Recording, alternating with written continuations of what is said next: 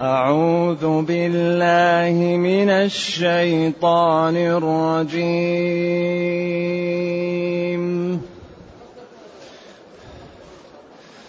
وأذن في الناس بالحج يأتوك رجالاً. وأذن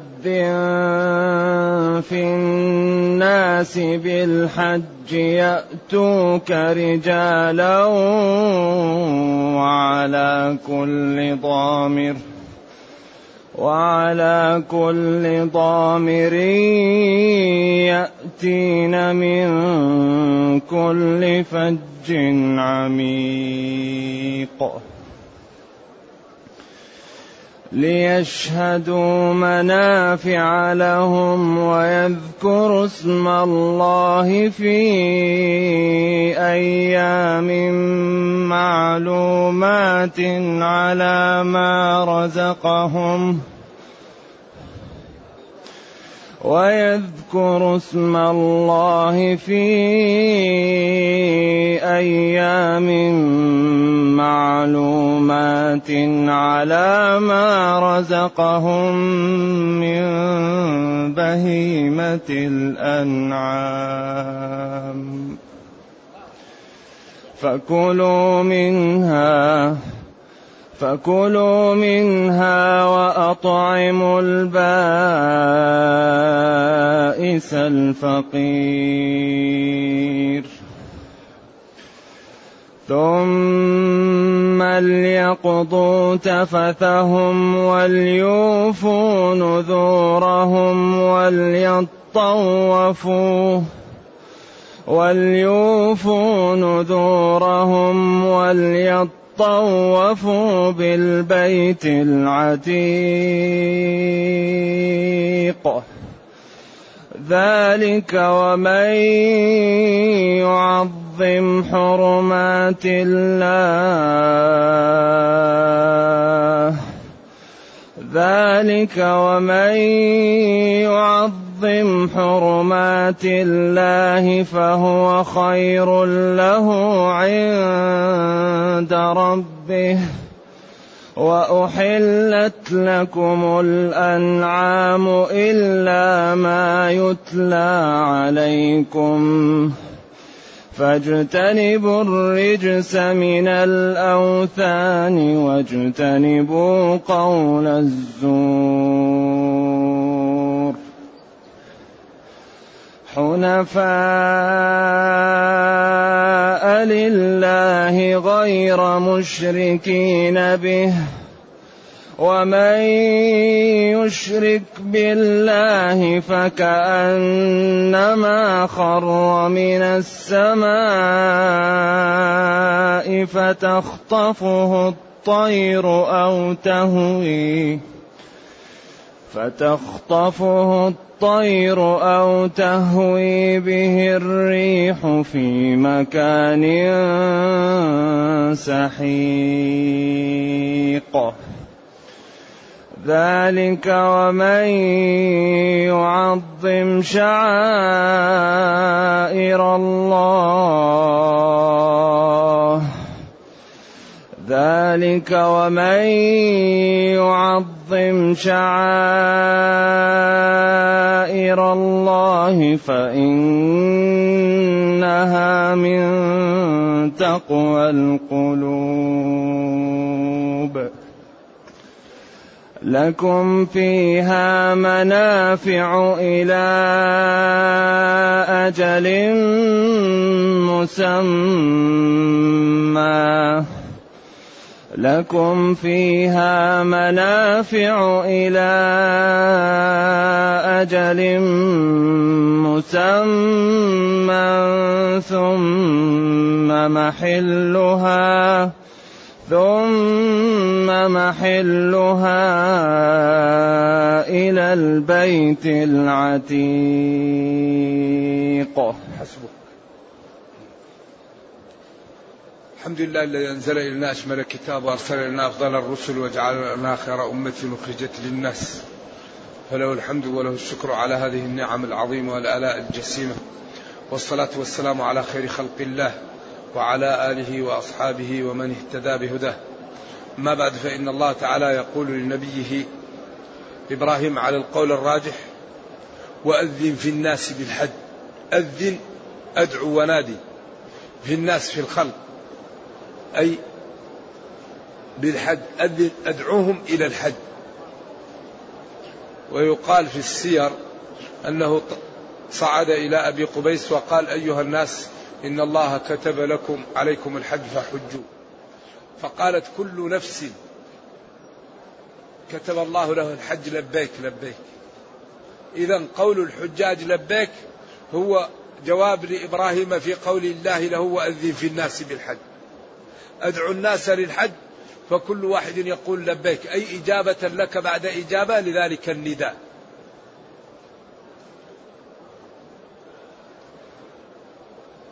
يأتوك رجالا يأتوك مشاة يمشون أو يأتون أو يأتوك على كل ضامر. أي إن تؤذن يأتوك هذا في جواب الطلب. وعلى كل ضامر أي بعير هازل يأتين أي الحجاج من كل فج عميق. بعيد بعيد سحيق. هؤلاء الحجاج الذين أذن نبي الله لهم ولبوه يأتوا بعضهم ركاب وبعضهم مشاة. واختلفوا أيهم أفضل؟ الحج راكب أو ماشي. فقالت جلة من العلماء المشي أفضل لأن الأجر على قدر النصب. وقالت جلة من العلماء الركوب أفضل لأنه فعل نبينا صلى الله عليه وسلم. ولا أفضل من فعل النبي صلى الله عليه وسلم. وقال لتأخذوا عني مناسككم. قالت جماعة الركوب من الجبلة. والمشي أكثر تعب وكل ما زاد التعب زاد الأجر. فقالوا وإن كان أتعب لكن ركوبه وعدم بيان أن المشي أفضل دل ذلك على أن الركوب أفضل وأنه أجمع لأن الإنسان يكون عنده نية وعبادة لأن الإنسان إذا تعب ضعفت نيته وضعفت عبادته وممارسته لها. لذلك نهى صلوات الله وسلامه عليه عن يعني لم يصم يوم عرفة لما فيه من الأجر وهو في عرفة. يكفر السنة الماضية والسنة القادمة ومع ذلك أعطي قدح وشربه راكب على الناقة يوم الجمعة بعد العصر فعلم أنه لم يكن صائما. وإن كان الصوم في عرفة جائز ولكن الفطر أفضل. جائز لا غبار على من يريد أن يصوم في عرفة ولكن الإفطار في عرفة أفضل لأن هذا اليوم يكثر الإنسان من الذكر ومن الدعاء ومن الاستغفار ومن الالتجاء إلى الله. فإذا كان صائم ضعف إيش؟ ضعفت العبادة وضعفت النية والتوجه وكل وقت له عبادته. أما غير الحاج فلا يفوته صيام عرفة لما فيه من الأجر. أما الحاج فأفضل له الإفطار. أفضل له نعم. وإن كان ورد عن بعض السلف أنه صام في عرفة لكن الأفضلية للحاج أنه لا يصوم يوم عرفة. وأنه يبقى مفطرا ليتقوى على الدعاء والذكر والالتجاء إلى الله والتضرع. نعم. يأتوك رجالا أي مشاة ويأتوك على كل دابة هزيلة ضامن سواء كان بعير أو غير من الدواب. يأتين من كل فج عميق لبعد الفج الذي جاءوا منه هزلت دوابهم ليشهدوا منافع لهم. يأتين من كل فج من كل طريق بعيد ليشهدوا منافع لهم. منافع. لا تنتهي. من المنافع غفران الذنوب. من المنافع استجابة الدعوة. من المنافع أنك تكون تشكل لك مسألة من سنين تذهب إلى الحج فتجد بعض العلماء يحل لك إشكالاتك العلمية. كم من إنسان عنده إشكالات لا يجد حلها إلا في الحج يسأل عن الوفود وعن علماء العالم فإذا جاءوا يأتيهم بالمسائل العويصة عليه يحلوا له هي ويوضحون الإشكالات اللي عنده وهذا أكبر منفعة. من المنافع أنك تبحث عن دواء لا تجده إلا في الحج دواء نادر فتبحث عنه فتجده في الحج وأنت محتاج إليه ولا تجده في غير الحج من المنافع أن تبحث عن سلعة لا تجدها إلا في الحج من المنافع أن تبحث عن صديق لا تجده إلا في الحج منافع لا تحصى. ومن أعظمها غفران الذنوب. من المنافع أنك تذهب للحج وتأتي بسلع. فتبيعها بأرباح هائلة فتستغني في الحج. إذا منافع الحج لا تنتهي. ليشهدوا منافع منافع دينية منافع دنيوية منافع يعني في كل مناحي إذا هذا منافع الحج لمن رشد لا يعلمها إلا الله. ولذلك لو استفاد المسلمون من الحج لكل واحد منهم وجد كم من المنافع لا يعلمه إلا الله.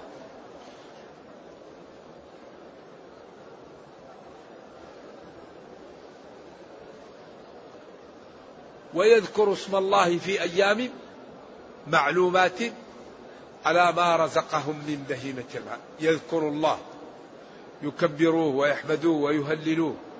على أن رزقهم على من بهيمة الأنعام. هنا في أيام معلومات وفي أيام معدودات. قال واذكروا الله في أيام معدودات. فمن تعجل في يومين فلا إثم عليه ومن تأخر فلا إثم عليه لمن اتقى. أي فمن تعجل فذنبه مغفور ومن تأخر فذنبه مغفور لمن اتقى. لأن التأخر ليس مظنة للإثم وإن هذا بيان لأن الحج المبرور ليس له جزاء إلا الجنة. فبعضهم قال في أيام معدودات بعضهم قال عشر ذي الحج. وبعضهم قال عشر ذي الحج وأيام التشريق.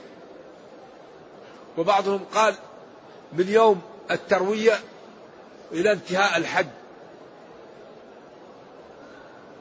وبعضهم قال هي تسع ذي الحج أقوال كثيرة. والذي يظهر أن اذكروا الله في أيام معدودات هي عشر ذي الحج.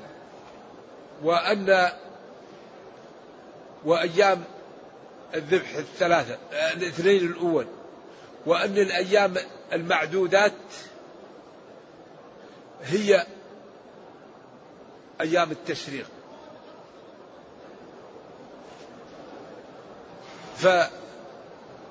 فاليوم الثالث عشر من المعدودات. واليوم العاشر من المعلومات. واليوم الحادي عشر والثاني عشر من المعدودات والمعلومات. هذا الجمع بين الأقوال. إذا اذكر الله في أيام معدودات. المعدودات هي أيام التشريق الثلاثة. والمعلومات هي عشر ذي الحجة أو هي عشر ذي الحجة وأيام النحر. عند مالك وجماعة من العلماء النحر يوم العيد واليوم الثاني والثالث. اليوم الثالث لا نحر فيه. وعند الشافعي اليوم الثالث ينحر فيه. إذا يكون الأيام المعدودات هي أيام التشريق وأيام المعلومات هي عشر ذي الحجة وأيام النحر الاثنين بعده. فتكون المعدو أيام أذكر الله في أيام معدودات يدخل في المعدودات يوم العيد ويدخل آه، المعلومات ويدخل في المعدودات اليوم الثالث عشر ويدخل في المعدودات والمعلومات اليوم الحادي عشر والثاني عشر. ويذكر الله في أيام معلومات على ما رزقهم من بهيمة على أن عمل عليهم بأن رزقهم من بهيمة الأنعام والبهيمة كل ما لا ينطق والأنعام هي الإبل والبقر والغنم ولذلك لا يذبح في الهدايا وفي الضحايا إلا الأنعام. لا يذبح غير هذا الأوز أو النعام لا يضحى به ولا يضحى أيضا بالوحوش وإنما يضحى بالإبل والبقر والغنم. فالغنم منقسمة إلى معز وضأن فالضأن يضحى بالجذع منه. وهو ما له ستة أشهر فما فوق. والمعز لا بد من سنة. والبقر لا بد من سنتين. والإبل لا بد من خمس سنوات. وما كان أقل من هذا لا يجزي. ولا بد أن يكون مرضيا يعني سمين وأن لا يكون مقطوع الأذنين ولا أعور ولا عجفاء ولا عرجاء. ولا عمياء على القول الراجح لأن الله يقول ولا تيمموا الخبيث منه تنفقون وقال والبدن جعلناها لكم من شعائر الله أيوة. فشعائر الله تعظيمها مطلوب. ذلك ومن يعظم شعائر الله. فتعظيمها استثمانها واستعظامها وإغلاء أثمانها. نعم. اذكروا اسم الله في أيام ويذكر اسم الله في أيام. معلومات ذكر اسم الله على الذبيحة وعلى رمي الجمار وعلى الوقوف بعرفة وعلى الوقوف بمزدلفة وعلى الطواف وعلى السعي. فالحج كله ذكر الله وتعظيم لله.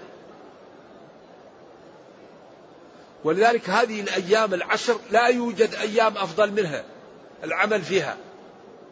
ما من أيام من أيام الدنيا العمل فيها أفضل من عشر للحج قال ولا الجهاد. قال ولا الجهاد إلا رجل ذهب بماله. إيش؟ ونفسه ولم يرجع بذلك بشيء. آه هذا منزلته شوية. أما غير هذا لا يصل إليه. ذلك ينبغي أن نغتنم المواسم. المواسم لا نضيعها. ونرشد ونجتهد فيها حتى ننال ما نريد. وليذكروا اسم الله على ما رزقهم ويذكروا اسم الله على ما رزقهم من بهيمة الأنعام على ما. ويذكر اسم الله في أيام معلومات.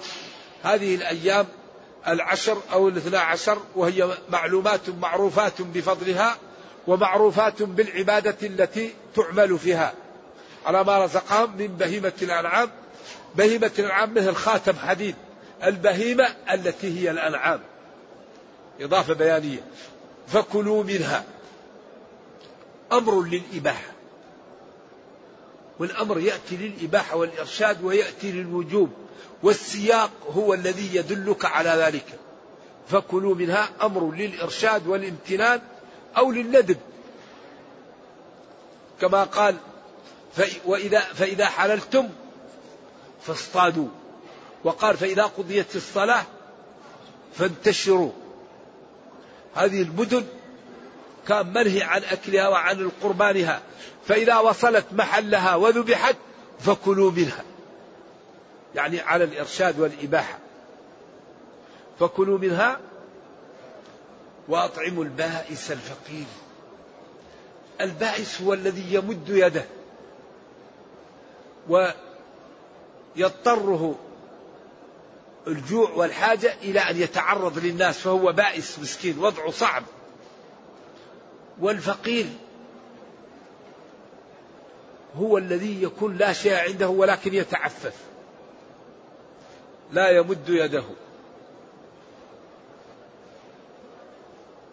أو البائس هو الزمن الذي لا يستطيع الحراك ومع ذلك لا مال له.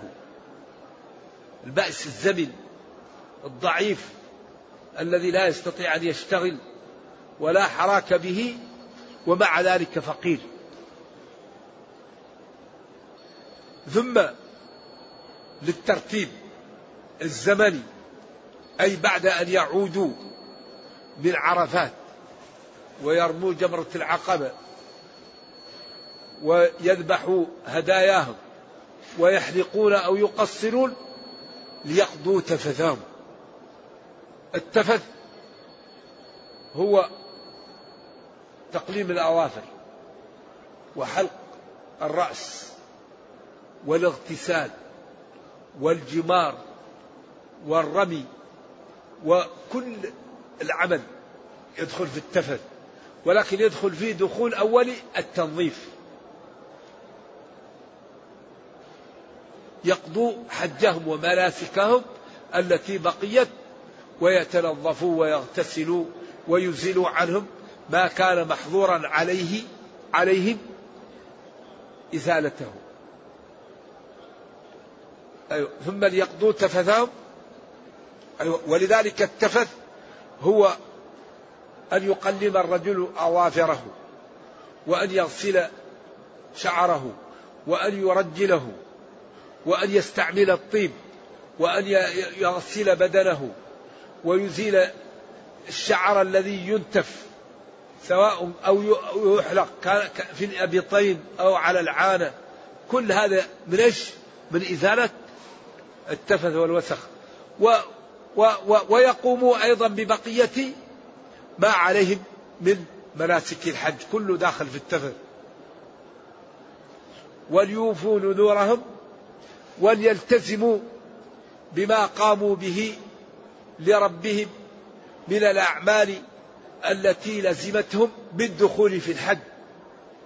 سواء كان نذر المقصود به نذر أن يذبح أو نذر أن يحج ونذر أن يعمل خير فيدخل في الإيفاء بالنذر ما فعلوه من أعمال الحج وما لزموا أنفسهم به من أعمال الخير خارجة عن الحج لأن النذر إذا كان في الطاعة يجب الوفاء به. من نذر أن يطيع الله فليطعه. ومن, ومن نذر أن يعصي الله فلا يعصيه لا وفاء لنذر حرام لا. نذر الحرام لا يوفي به المسلم. وأي نذر صعب عليك فلك أن تذبح أن تفدي عنه بما يفدى باليمين. إذا صعب عليك النذر ولم تستطعه فهو يكفر بكفارة اليمين عند الجمهور. ولكن لا ينبغي للمسلم أن يدخل نفسه في أمر غير واجب عليه يجعله واجبا عليه لأن ذلك يجعله في عنت وفي معصية. لذلك كثير آه كثير من العلماء كره النذر. لأنه يستخرج منه من البخيل. يقول انظر إن أعطاني الله كذا لا أفعل كذا فهذا البخيل يستخرج بالنذر. أنت طع ربك ودائما خلي نيتك أنك دائما وقتك لطاعة الله ولعبادة الله. أما شيء ليس واجب عليك فتلزم نفسك به فهذا تريد أن توقع نفسك إيش؟ في المحظور والهلكة والعطب. وكم من إنسان نذر وإيش ووقع في مشكلة. وعائشة لما نذرت أن لا تكلم عبد الله بن الزبير بن أختها لما قال لها أريد أن نحجر عليك لأن عائشة كانت معطاءة كريمة كل ما عندها تعطيه رضي الله عنها. وعن أبيها وصلى وسلم على زوجها. صلوات الله وسلامه عليه. فكانت تعطي كثير. فعبد الله بن الزبير كان والي في مكة قال أريد أن نحجر عليه على على خالته. فقالت والله لا أكلمك. نذرت. ما ما حلفت نذرت. فجاءها.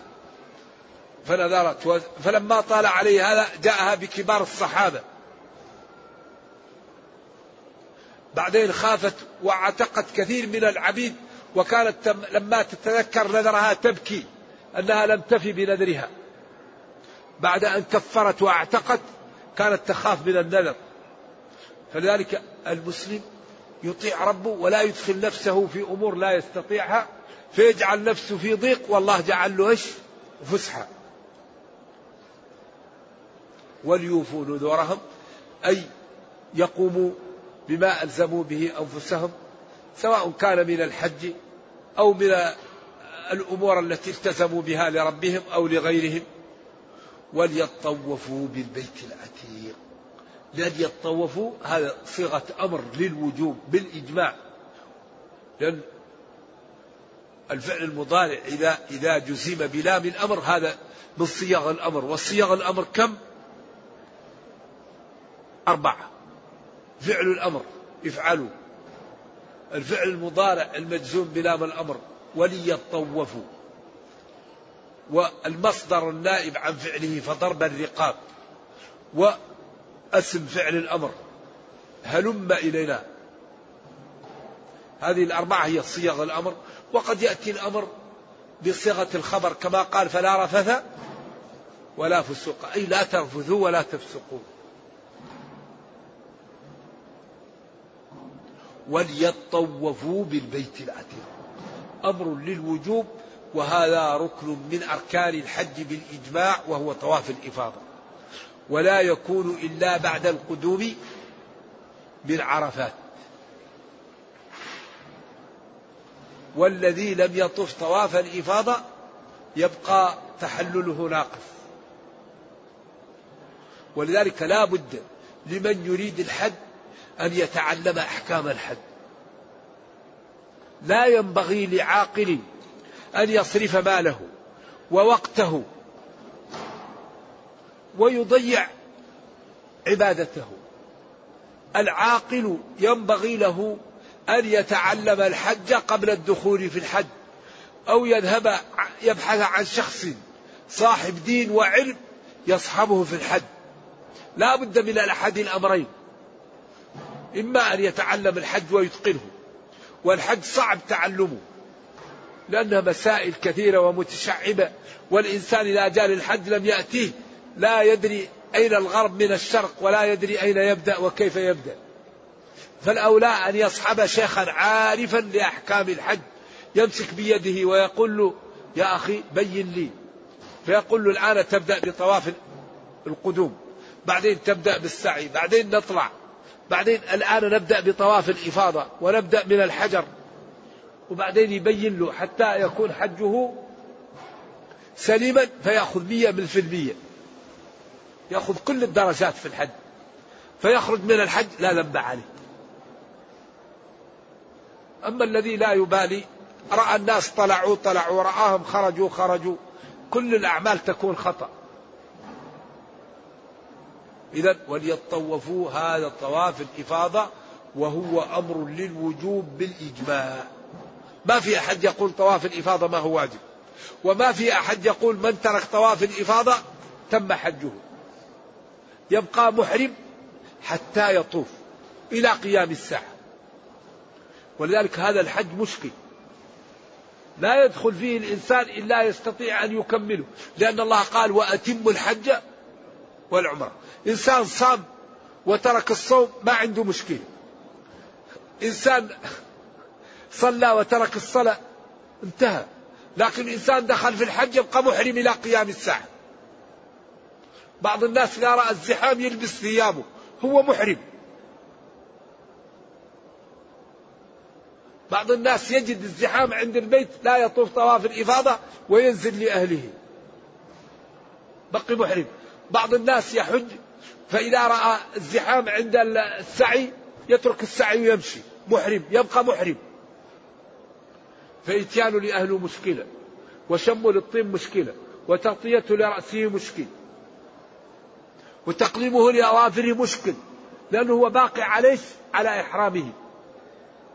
إذا الذي دخل الإحرام يخرج منه بواحد من ثلاثة أمور. لازم نعرف هذه الأمور لنبقى على بصيرة من أمرنا. إذا دخل المسلم في الحج أو العمرة لا يخرج من الإحرام إلا بواحد من ثلاثة. أول شيء يشترط والاشتراط عند الجمهور قضية عين ولكن حديث صحيح حديث ضباعة حجي قالت إني وجعة فقال لها حجي واشترطي. قالت أقول لبيك فإن حبسني حابس فمحلي حيث حبستني. لبيك. يعني أنا دخلت في الحج فإن جاءتني مشكلة فلي أن نتحلل فأشترط أني أتحلل حيث حبسني حابس. فهذا أي إنسان تعطلت عليه السيارة أو مرض أو جاءت إنفلونزا أو تعب يلبس ثيابه ولا شيء عليه. وبعض العلماء يقول هذه قضية عيب. كالمالكية وغيرهم. الثاني أن يأتيه عدو ويقول لا تذهب إلى مكة. أبدا.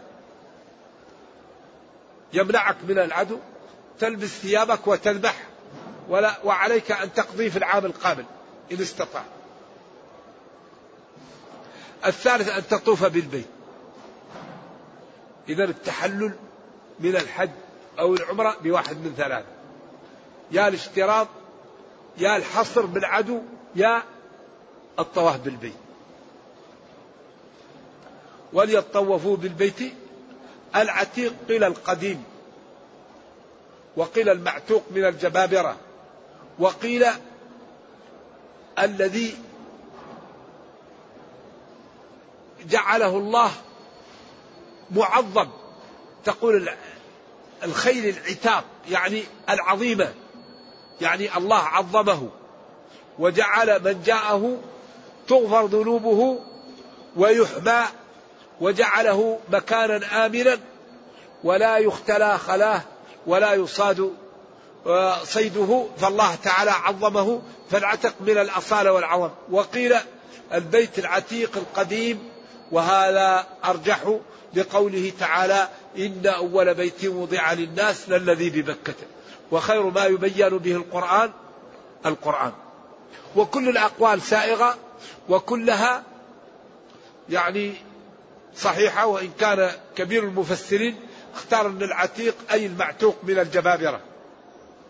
ولكن هذا أقوى وأولى. ذلك الأمر ذلك. أو ذلك المذكور أو هذه المذكورات. ومن يعظم شعائر الله ذلك ومن يعظم حرمات الله فإنها من تقوى القلوب. ذلك ومن يعظم حرمات الله فهو خير له عند ربه. كده ذلك ومن يعظم حرمات الله فهو أي التعظيم خير له عند ربه. أي ذلك السابق وذلك المذكور والحال أن من يعظم حرمات الله جمع حرمة فذلك التعظيم خير له عند ربه لما يناله ويصيبه من الأجر العميم ومن الخير الكثير. لكم فيها ذلك. وحل وأحلت لكم الأنعام إلا ما يتلى عليكم. هذا تكرير لهذه الأمور لبيان نعم الله على خلقه وما أسدى إليهم وما جعل لهم في هذا المكان من غفران الذنوب. وقضاء الحاجات ليشكروا ربهم ويطيعوه ويمتثلوا أوامره ويجتنبوا نواهيه. وأحلت لكم الأنعام أي أحل لكم أكلها و آه، يعني ركوبها والتصرف فيها وتستفيدون منها إلا ما يتلى عليكم وهو الميتة وما ذبح على النصب. وما ذكر عليه اسم غير الله فهذه محرمة عليكم. إذا إلا ما يتلى عليكم وهو المذكور في قوله حرمت عليكم الميتة. أي. وبعدين قال والموقوذة والمتردية والنطيحة وما أكل السبع هذا تفصيل لأنواع الميتة.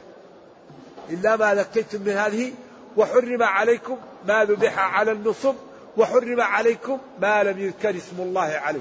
ولا تأكلوا مما لم يذكر اسم الله عليه نعم.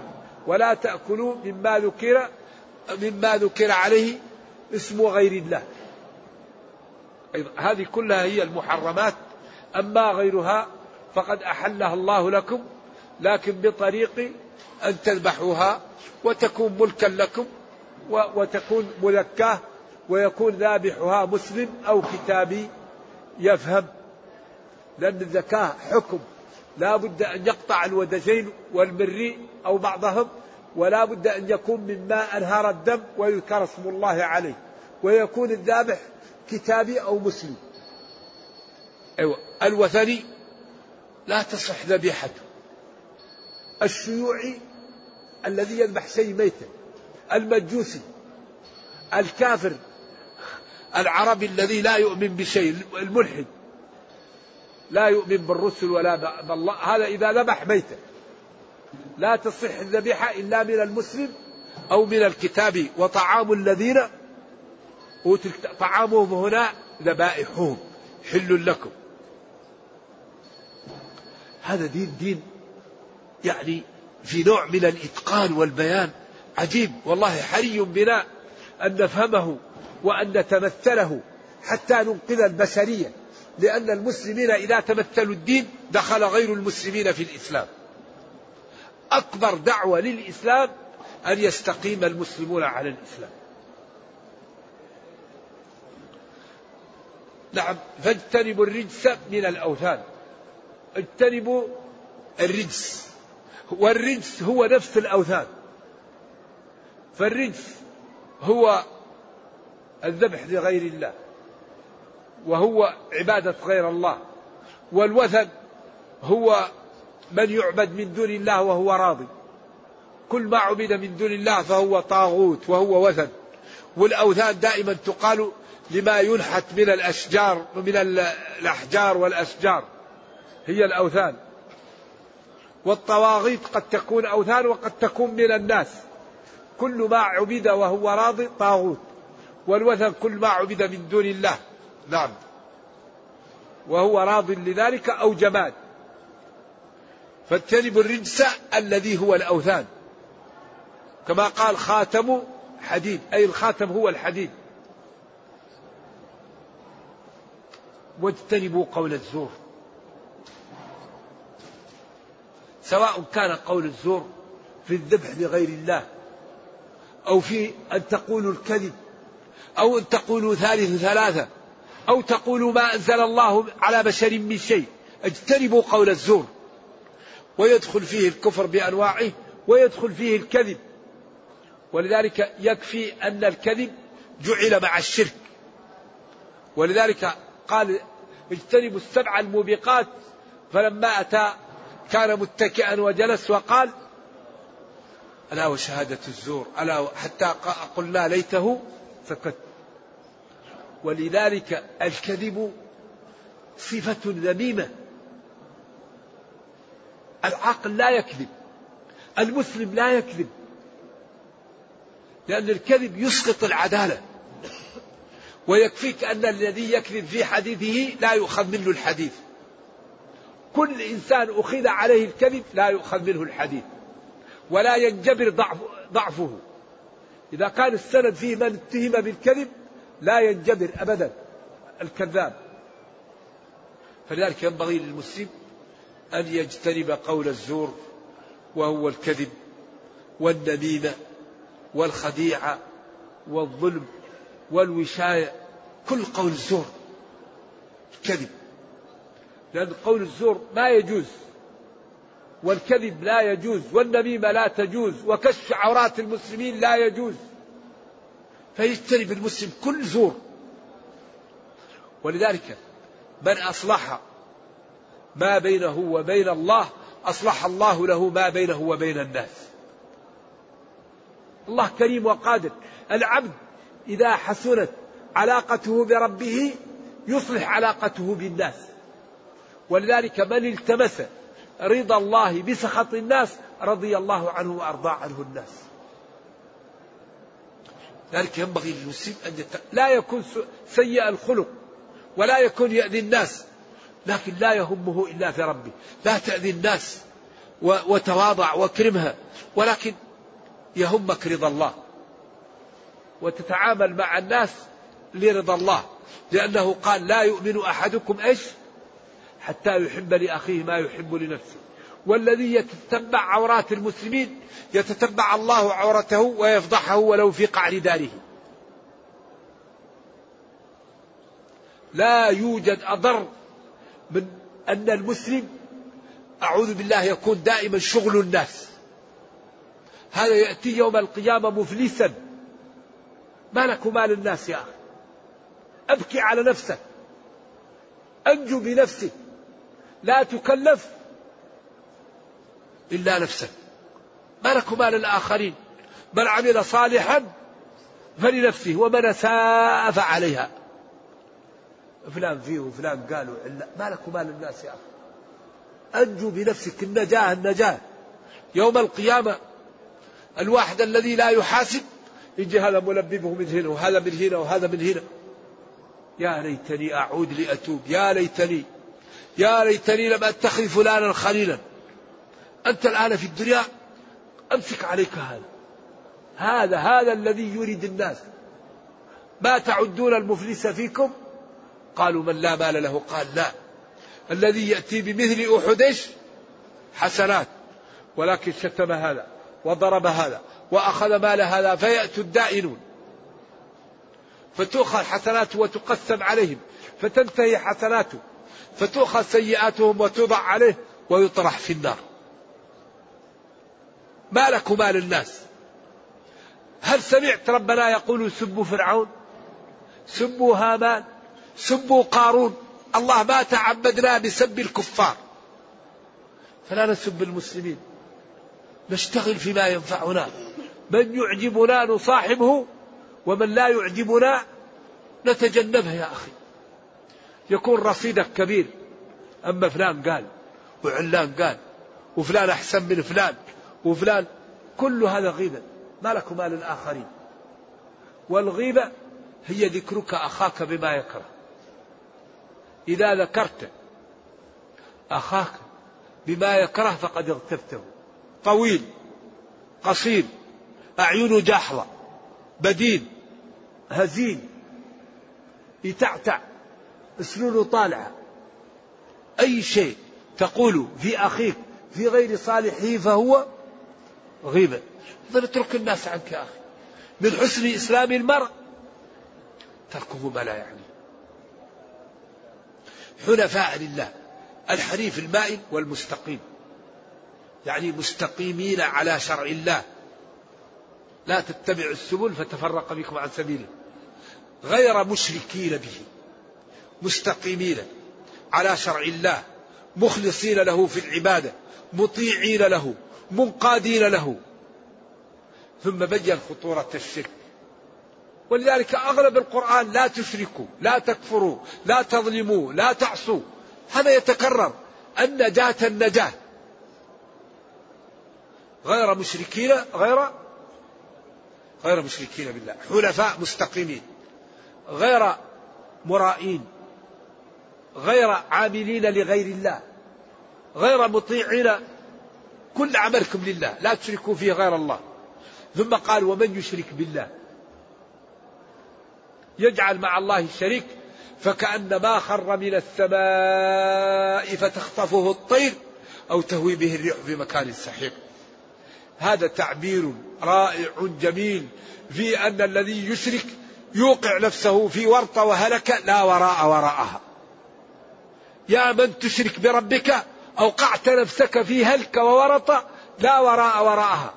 لأن الذي ينزل من السماء فقد أوقع فقد هلك هلاك محقق مئة في المئة.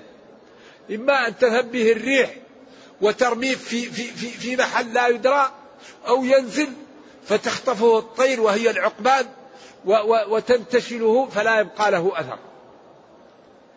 إذا هذا تعبير أن الذي يقع في, في, في الشرك أوقع نفسه في ورطة لا وراء وراءها. أو تهوي به الريح. نعم. طيب. إذا كأنه يقول هنا إذا ما الحل؟ وكيف النجاة؟ لأن من يشرك يقع له هذا. إذا ما لا نعمل؟ الأمر والحقيقة والنجاة أن من يعظم شعائر الله فإن ذلك هو الذي يجعل القلب سليما ويجعل القلب نظيفا فتقبل منه الأعمال ويبتعد عن المعاصي فيسعد صاحبه دنيا وأخرى لذلك كل القرآن كل جملة وراء جملة أخذ بحاجزها. فهذا الدين لا يمكن يقاوم. ما يقاوم الدين أبدا. حري بنا أن نهتم بالمراكز التي نطلع الكنوز من كتاب ربنا. أي قضية نحتاجها نطلعها من القرآن. تبيانا لكل شيء. أين المراكز الكبيرة لدراسة القرآن؟ للاستفادة من القرآن في الاقتصاد. الاستفادة من القرآن في الطب. الاستفادة من القرآن في التربية. الاستفادة من القرآن في, في, الت... في العلاقات. في التآلف بين المسلمين. ولا تنازعوا الاستفادة من القرآن في التحابب. كونوا مع الصادقين. والمؤمنون والمؤمنات بعضهم أولياء بعض. الاستفادة من القرآن في معرفة المنافقين. المنافقون والمنافقات بعضهم من بعض. تعرفهم بسيماهم. كل شيء نحتاجه موجود في كتابنا. فلماذا لا نعمل مراكز كبيرة ونصرف عليها. وكل شيء نحتاجه نطلعه من كتاب ربنا. لكن هذه الأمة المسلمة التي هي مليار وستمائة مليون عندها مواهب في تضييع الفرص. مليار وستمائة مليون. قريب من مليارين. ولكن في المحافل صوتها خافت. لا يسمع. والسبب في ذلك أننا لم نقم بالأسباب. أوفوا بعهدي أوفي بعهدكم. إن الله اشترى فاستبشروا ببيعكم. السبب أن هذه الأمة المرحومة لم تقم بالأسباب. فإذا قامت بالأسباب طبعا تنال, المز... تنال الأجر وتنال الرفعة. فلذلك حري بنا أن كل واحد منا يقوم بما يستطيع. ولا يكلف الله نفسا. يستطيع الواحد منا لا يكذب. يستطيع الواحد منا لا ينظر إلى الحرام. يستطيع الواحد منا لا يسمع إلى الحرام. يستطيع الواحد منا لا يمشي إلى الحرام. فكل واحد منا يتقي الله بعدين ترتفع الأمة وتقوى. فتنتصر على أعدائها وتسعد في دنياها وأخراها وتعود إلى الحالة التي مدحت بها كنتم خير أمة أخرجت للناس. تأمرون بالمعروف وتنهون عن المنكر وتؤمنون بالله.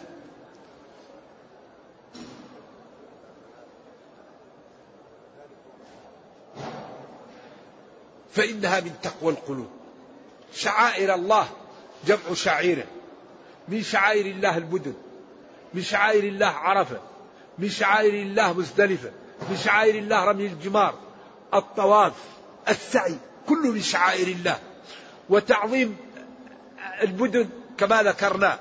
وتعظيم الشعائر أن يأتي بها العبد بنية خالصة. وعلى الشروط والواجبات والأركان المطلوبة بها. أيوة فإن هذا من تقوى القلوب. لكم فيها. في هذه الشعائر وفي هذه آه، الأعمال منافع كثيرة دنيوية وأخروية. كما قال ليشهدوا منافع لهم. لكم فيها منافع إلى أجل مسمى. هذه الشعائر وهي المدن لكم فيها منافع إلى أجل مسمى اختلف فيها العلماء إلى قولين. القول الأول إلى أن تجعلها هدي.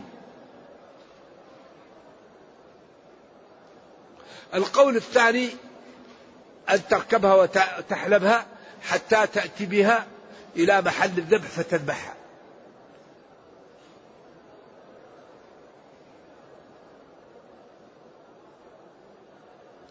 إذا هذه المنافع والبدنة. إيش إيش الآية؟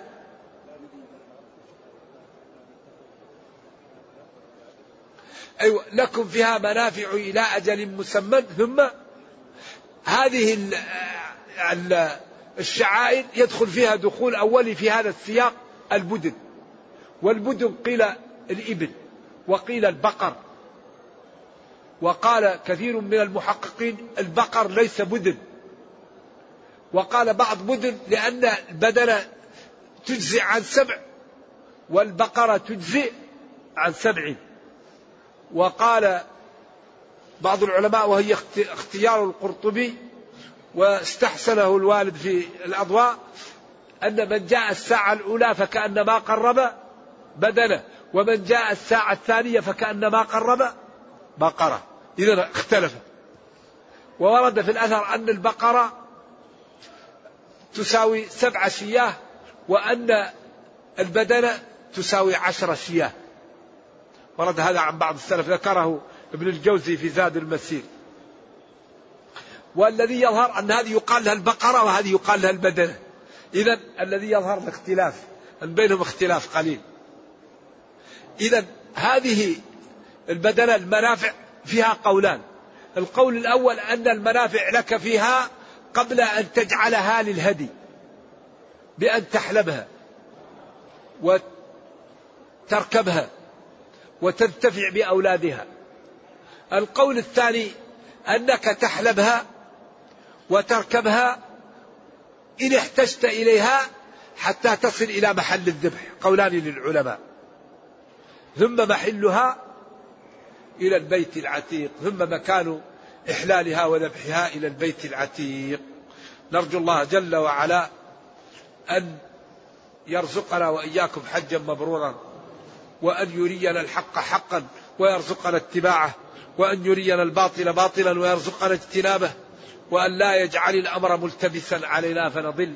اللهم ربنا آتنا في الدنيا حسنة وفي الآخرة حسنة وقنا عذاب النار. سبحان ربك رب العزة عما يصفون وسلام على المرسلين والحمد لله رب العالمين والسلام عليكم ورحمة الله. ينبغي أن تكون الأسئلة في موضوع الدرس. هذا أولى. أو تكون فيما تحتاجونه في عباداتكم. هذا أحد الإخوان يقول قمت من النوم وكنت محتلما فتوضأت وصليت لمدة يومين وأنا ما زلت على تلك الجنابة. وبعد ذلك اغتسلت وكنت في ذلك الوقت جاهلا بالحكم. وبعد ذلك علمت بالحكم. فهل علي الآن أن أعيد تلك الصلوات أم لا؟ وما الدليل على ذلك؟ عليك أن تعيد الصلوات. نعم.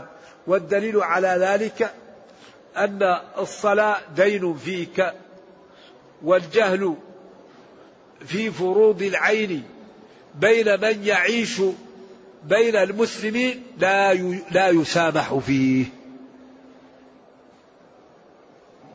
ولا يقبل الله صلاة محدث حتى إيش؟ حتى يرفع الحدث. وأنت محدث حدث أكبر ولا يرفع إلا بالغسل. فالوضوء لا يرفع الحدث الأكبر. فأنت إذا تذكرت ذلك قبل خمس فروض تعيد كل الفروض على الترتيب. وإن كان بعد خمس فروض تعيد الأيام التي تركت الصلاة فيها أو صليت وأنت محدث. نعم هذا نعم. من نام عن صلاة أو نسيها فليصلها إذا ذكرها. فهذا كأنك نسيتها فلا بد أن تصليها والله أعلم.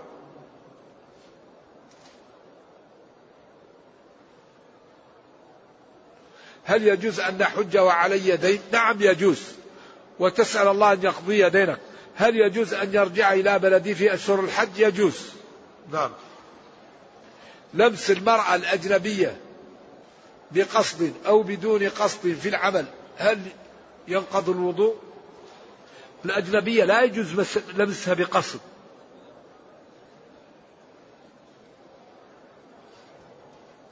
العلماء لهم ثلاث أقوال في هذا.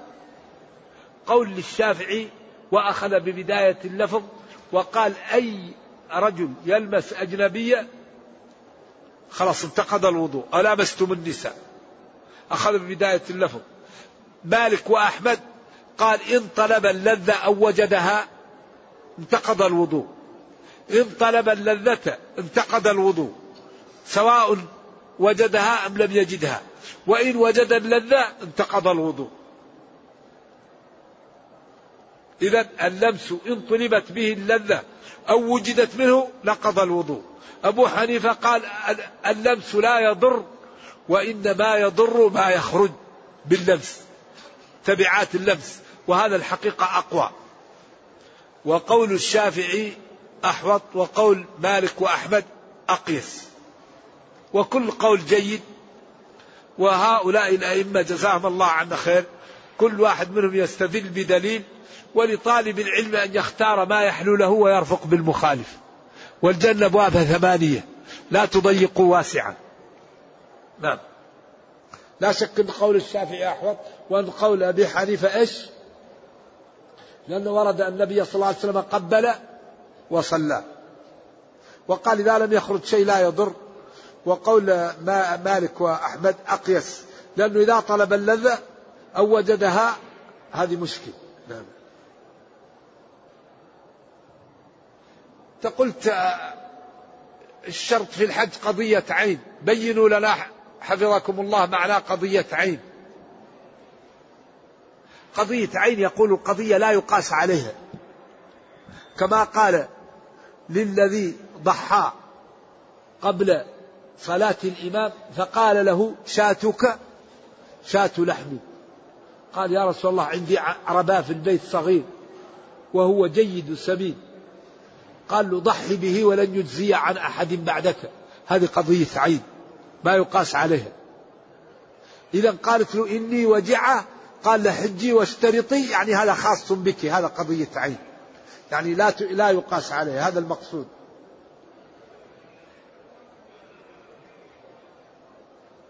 هذا السؤال يتكرر كثير في الحج. هل يجوز الجمع بين طواف الإفاضة والوداع؟ أي تأجيل طواف الإفاضة وأخذه مع الوداع؟ يجوز لكن تفوت فضيلة. يجوز أن يؤخر الحاج طواف الإفاضة حتى ينتهي من أعمال الحج ويطوف ويدخل فيه طواف الوداع. لكن هذا يعني يفوته فضل كثير وهو الطواف يوم العيد لأن النبي طاف وقال لتأخذوا عني مناسككم والمسلم جاء ليأخذ الأجر. ليش ليش تزهد في الأجر؟ نعم. الحاج المتمتع الذي يود الصيام بدلا عن الهدي. هل يمكن أن يصوم قبل الوقت بعرفة؟ نعم قبل الوقوف بعرفة يمكن أن تصوم.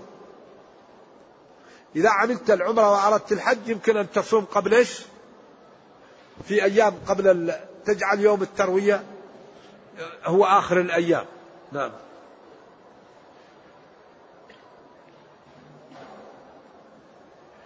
ما لا تفعل المرأة التي يتوفى زوجها وهي محرمة بحج.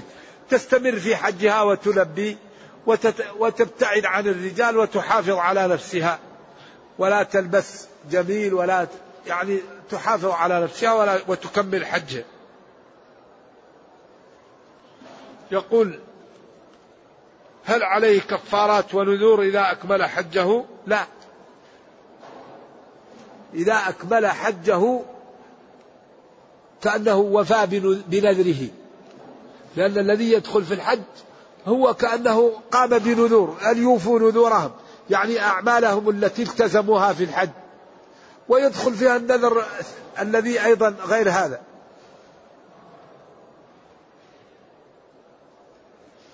يقول إنه مسلم والحمد لله. وأهله أهل كتاب. والدين عندهم فيه شرك وشرب خمر أحيانا وهو يحتاج منهم إلى مال فما لا يفعل وكذلك بعد موتهم هل يأخذ من أموالهم؟